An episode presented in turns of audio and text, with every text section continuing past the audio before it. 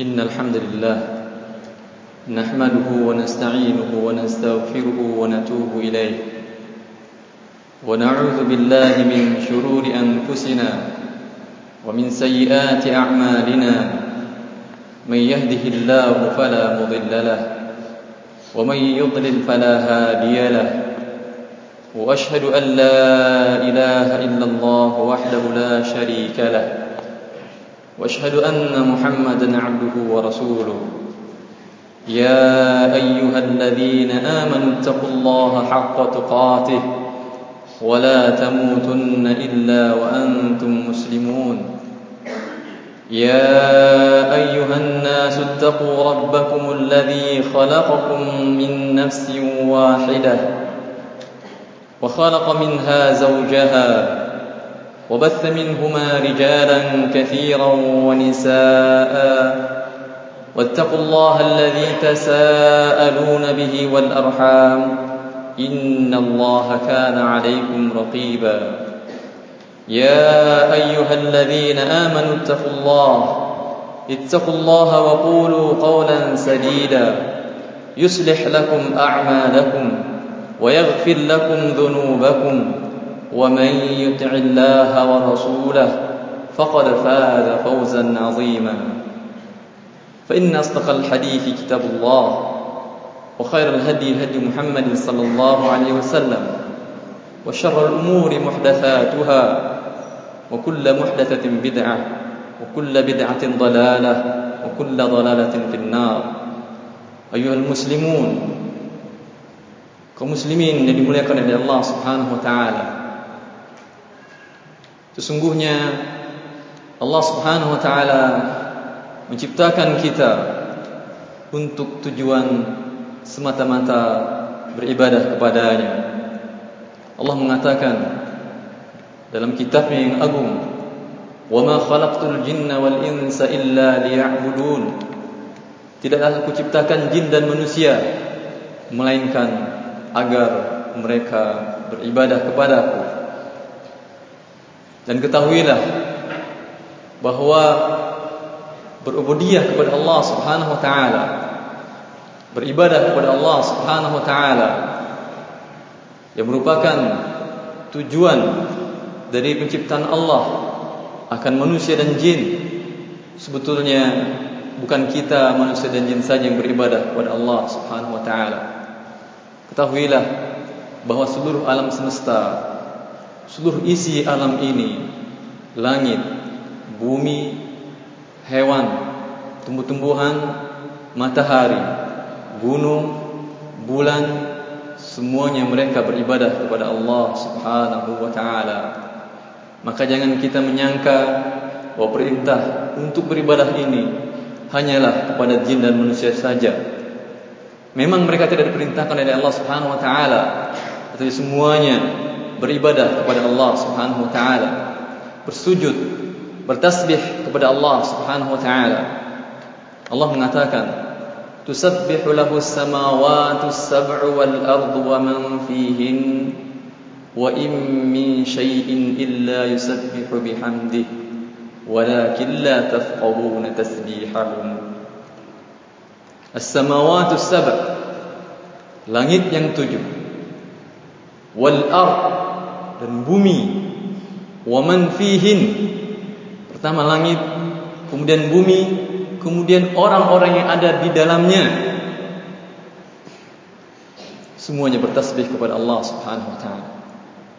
Kemudian Allah tekankan lagi dengan siap nafi siap nakira fi siyakin nafi. Allah mengatakan wa im min syai. Tidak satu pun juga melainkan mereka bertasbih kepada Allah Subhanahu wa taala. Setelah Allah katakan di awal bahawa langit, bumi dan seluruh yang ada di langit dan bumi, kemudian Allah mengatakan menegaskan lagi, tidak satu pun juga dari makhluk Allah Subhanahu wa taala melainkan mereka bertasbih kepada Allah Subhanahu wa taala. Akan tetapi kita saja yang tidak mengetahui bagaimana cara mereka bertasbih kepada Allah Subhanahu wa taala. Perasaan ini di mana seorang muslim yang beribadah kepada Allah Subhanahu wa taala dia merasa bahwasanya dia tidak sendirian beribadah kepada Allah di atas bumi ini dalam makhluk alam semesta ini sekalipun dia sendirian seperti Nabi Musa Ibrahim alaihissalam hanya dia dengan lutf saja yang beriman kepada Allah Subhanahu wa taala dia tidak bersedih tidak gundah gulana tetap tegar tetap istiqamah beribadah kepada Allah Subhanahu wa taala menyempurnakan ubudiyahnya kepada Allah Subhanahu wa taala. Karena mereka tahu bahwa sesungguhnya bersama dia alam semesta bertasbih dan beribadah kepada Allah Jalla fi'ula dalam ayat yang lain Allah mengatakan ألم تر أن الله يسجد له من في السماوات ومن في الأرض والشمس والقمر والنجوم والجبال والشجر والدواب وكثير من الناس وكثير حق عليه العذاب ومن يهن الله فما له من مكرم إن الله يفعل ما يشاء اللهم تاكن Tidakkah kalian melihat bahwasanya Yang ada di langit Yang ada di bumi bersujud kepada Allah Subhanahu wa taala. Tidak itu saja. Matahari, bulan, bintang, bahkan gunung, kemudian pepohonan, hewan dan kebanyakan manusia bersujud kepada Allah Subhanahu wa taala. Namun sebagian mereka, sebagian manusia tersebut pantas juga untuk mendapatkan adab dari sisi Allah jalla fi'ulah dan siapa yang dihinakan oleh Allah orang-orang yang tidak mau berubudiyah kepada Allah subhanahu wa ta'ala tidak mau bersujud kepada Allah subhanahu wa ta'ala tidak mau menyempurnakan ibadahnya kepada Allah subhanahu wa ta'ala mencampuri ibadahnya dengan kesyirikan kepada Allah tidak memenuhi persyaratan untuk diterimanya sebuah ibadah yang ikhlas kepada Allah subhanahu wa ta'ala sungguhnya dia adalah orang yang dihinakan oleh Allah. Dan orang yang telah dihinakan oleh Allah fama lahu min mukrim. Tidak akan ada orang yang mampu mengangkat derajatnya menjadi orang yang mulia. Dan sebaliknya orang yang telah dimuliakan oleh Allah Subhanahu wa taala dengan cara menyempurnakan ibadahnya ikhlas kepada Allah Subhanahu wa taala tidak satu pun makhluk yang mampu menghinakannya karena sesungguhnya dia harmoni berjalan seiring, searah dan setujuan dengan alam semesta. Tahqiqu ubudiyatillah menyempurnakan dan merealisasikan beribadah kepada Allah Subhanahu wa taala. Diriwayatkan dalam sahihain bahwasanya ketika seseorang mengendarai seekor sapi dan dia memukul sapi tersebut. Lalu sapi itu mengatakan Tidak untuk ini aku diciptakan. Tidak untuk ini aku diciptakan. Lalu para sahabat yang berada di sekitar Rasulullah SAW Mengatakan Baqaratun tatakallam Seekor sapi bisa berbicara. Lalu Rasulullah mengatakan Herankah kalian dengan sapi berbicara? Sesungguhnya aku beriman Dan beriman dengan hal ini. Abu Bakar dan Umar Padahal di sana tidak ada Abu Bakar dan Umar. Maka Rasulullah akan memberikan persaksian Bahwa apa yang diimani Rasulullah SAW Seperti dalam kasus ini Akan diimani juga oleh Abu Bakar dan Umar.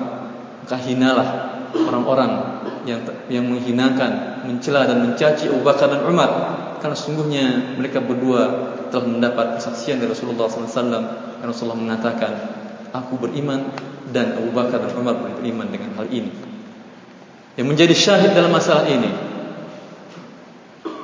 seekor sapi tahu dia untuk apa diciptakan. Dia tidak diciptakan oleh Allah subhanahu wa ta'ala untuk dipukul sehingga dia mengatakan tidak untuk ini aku diciptakan. Dia berani protes berani berkata berani berucap. Karena dia tahu tidak diciptakan oleh Allah subhanahu wa ta'ala untuk demikian. Maka seorang muslim yang telah mengetahui untuk apa dia diciptakan oleh Allah Subhanahu wa taala untuk beribadah kepada Allah Subhanahu wa taala seorang manusia yang mengetahui untuk apa dia diciptakan oleh Allah Subhanahu wa taala tujuan dia Allah menciptakan dia. Untuk tahqiqul ubudiyatillah menyempurnakan ibadahnya kepada Allah Subhanahu wa taala. Beribadah kepada Rabbil Ibad dan bukan kepada manusia. Dan bukan kepada sesuatu pun selain Allah Subhanahu wa taala. Seharusnya dia lebih berani daripada seekor sapi tadi untuk mengatakan manakala seseorang mengajak dia memaksa dia untuk mensyirikatkan Allah Subhanahu wa taala untuk mendurhakai Allah Subhanahu wa taala seharusnya dia lebih berani lagi untuk mengatakan demikian karena dia diberikan oleh Allah Subhanahu wa taala kemampuan untuk berbuat kemampuan untuk berfikir dan kemampuan untuk membedakan mana yang baik mana yang buruk dengan akal yang diberikan oleh Allah Subhanahu wa taala. Semoga Allah Subhanahu wa taala memberikan kepada kita kemampuan, keberanian dan keikhlasan dalam beribadah kepadanya, merealisasikan tujuan Allah menciptakan kepada kita. Lebih berani lagi kita daripada seekor sapi yang yang memprotes atau mengatakan tidak kepada seorang yang manakala menciptakan manakala memberikan dia sesuatu untuk yang tidak diciptakan oleh Allah Subhanahu wa taala. Barakallahu li wa lakum fil Qur'anil azim iyyakum bima fihi min al-ayati wa dhikril hakim. أقول ما تسمعون وأستغفر الله لي ولكم ولسائر المسلمين والمسلمات من كل ذنب وخطيئة فاستغفروه وتوبوا إليه إنه هو الغفور الرحيم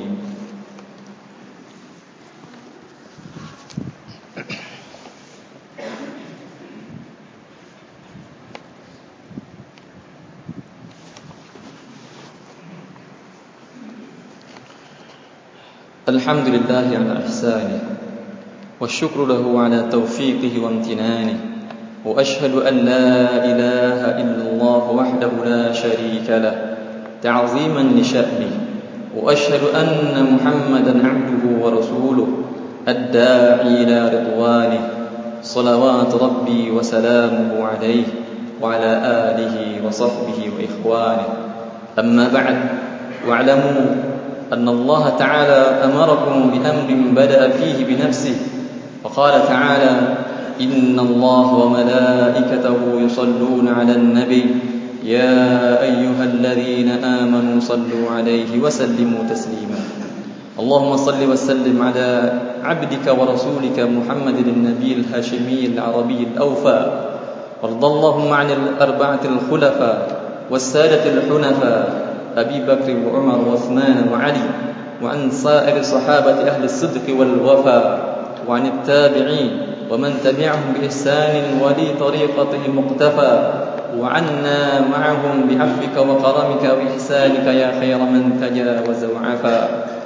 اللهم ارزقنا الخشية والإنابة إليك وألهمنا الرشد والهداية في دينك ولا تجعل الدنيا أكبر همنا ولا مبلغ علمنا وادخلنا برحمتك الجنة مع الأبرار.